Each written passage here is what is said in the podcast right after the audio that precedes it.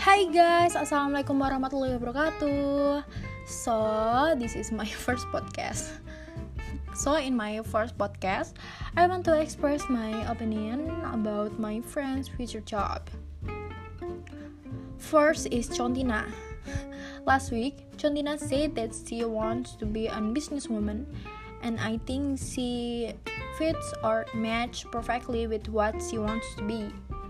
Why can I say like that? First is because no, Chontina is already has her own online shop, and the second is because she has a business mind.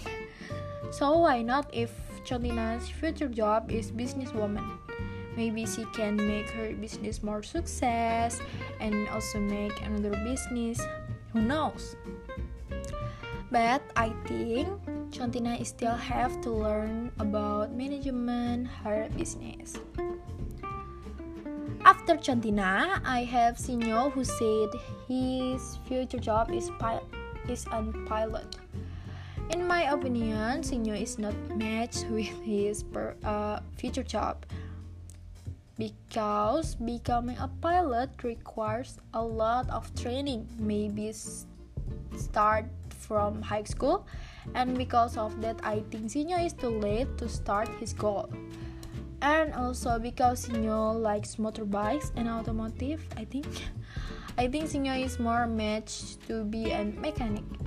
But if he still wants to be a, a pilot he better start catching up to become a pilot because a pilot required to be completely self-disciplined and working professionally because they might they must prioritize aviation safety. The last is Dila. Last week, Dila said if she still don't know what she wants to be in the future, but in but I have opinion what Dila should be in the future.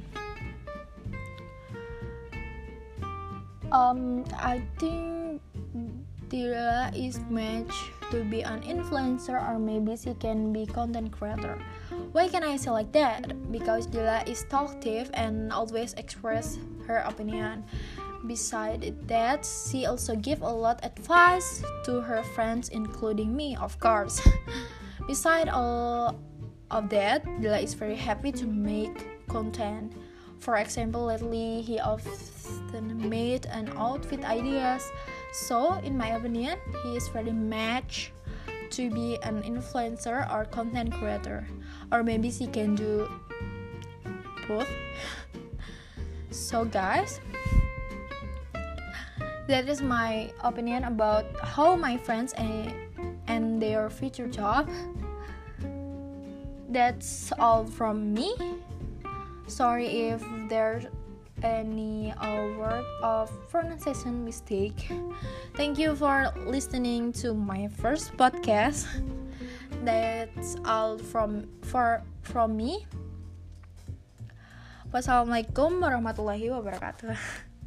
Bye. See you in the next podcast.